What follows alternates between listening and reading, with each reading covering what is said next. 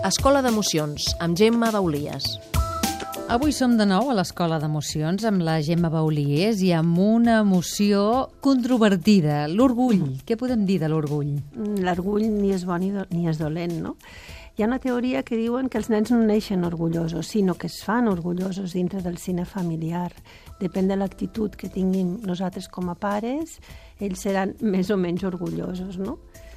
Jo no crec que l'orgull sigui dolent. Hi ha un orgull que és dolent, aquell orgull que no et permet eh, tindre una ment flexible, que no et permet escoltar els altres, que creus que el que tu fas és el millor i tots els altres estan errats. Aquest orgull no és bo, però un orgull, un orgull basat en l'autoconfiança.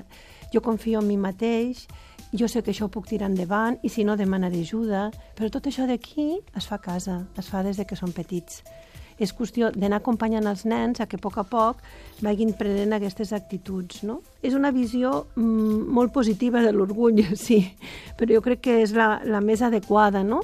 Eh, potenciar l'autoestima dels nens, mm, fer que valorar totes les coses que ells facin, tot això d'aquí farà que siguin uns adults, que siguin emprenedors, que siguin creatius, que no tinguin por res però no vol dir que siguin palplantats, eh? que siguin a l'orgull dolent, no? sinó que tinguin una altra visió molt diferent del món.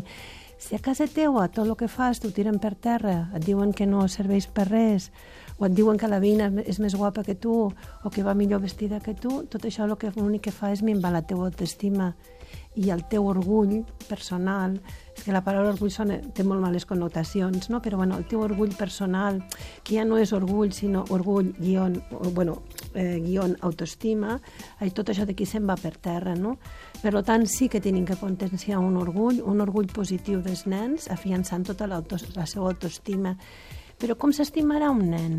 Bueno, veient que els seus pares l'estimen, que els seus cuidadors l'estimen sense cap condició, incondicionalment. L'accepten. L'accepten, sí.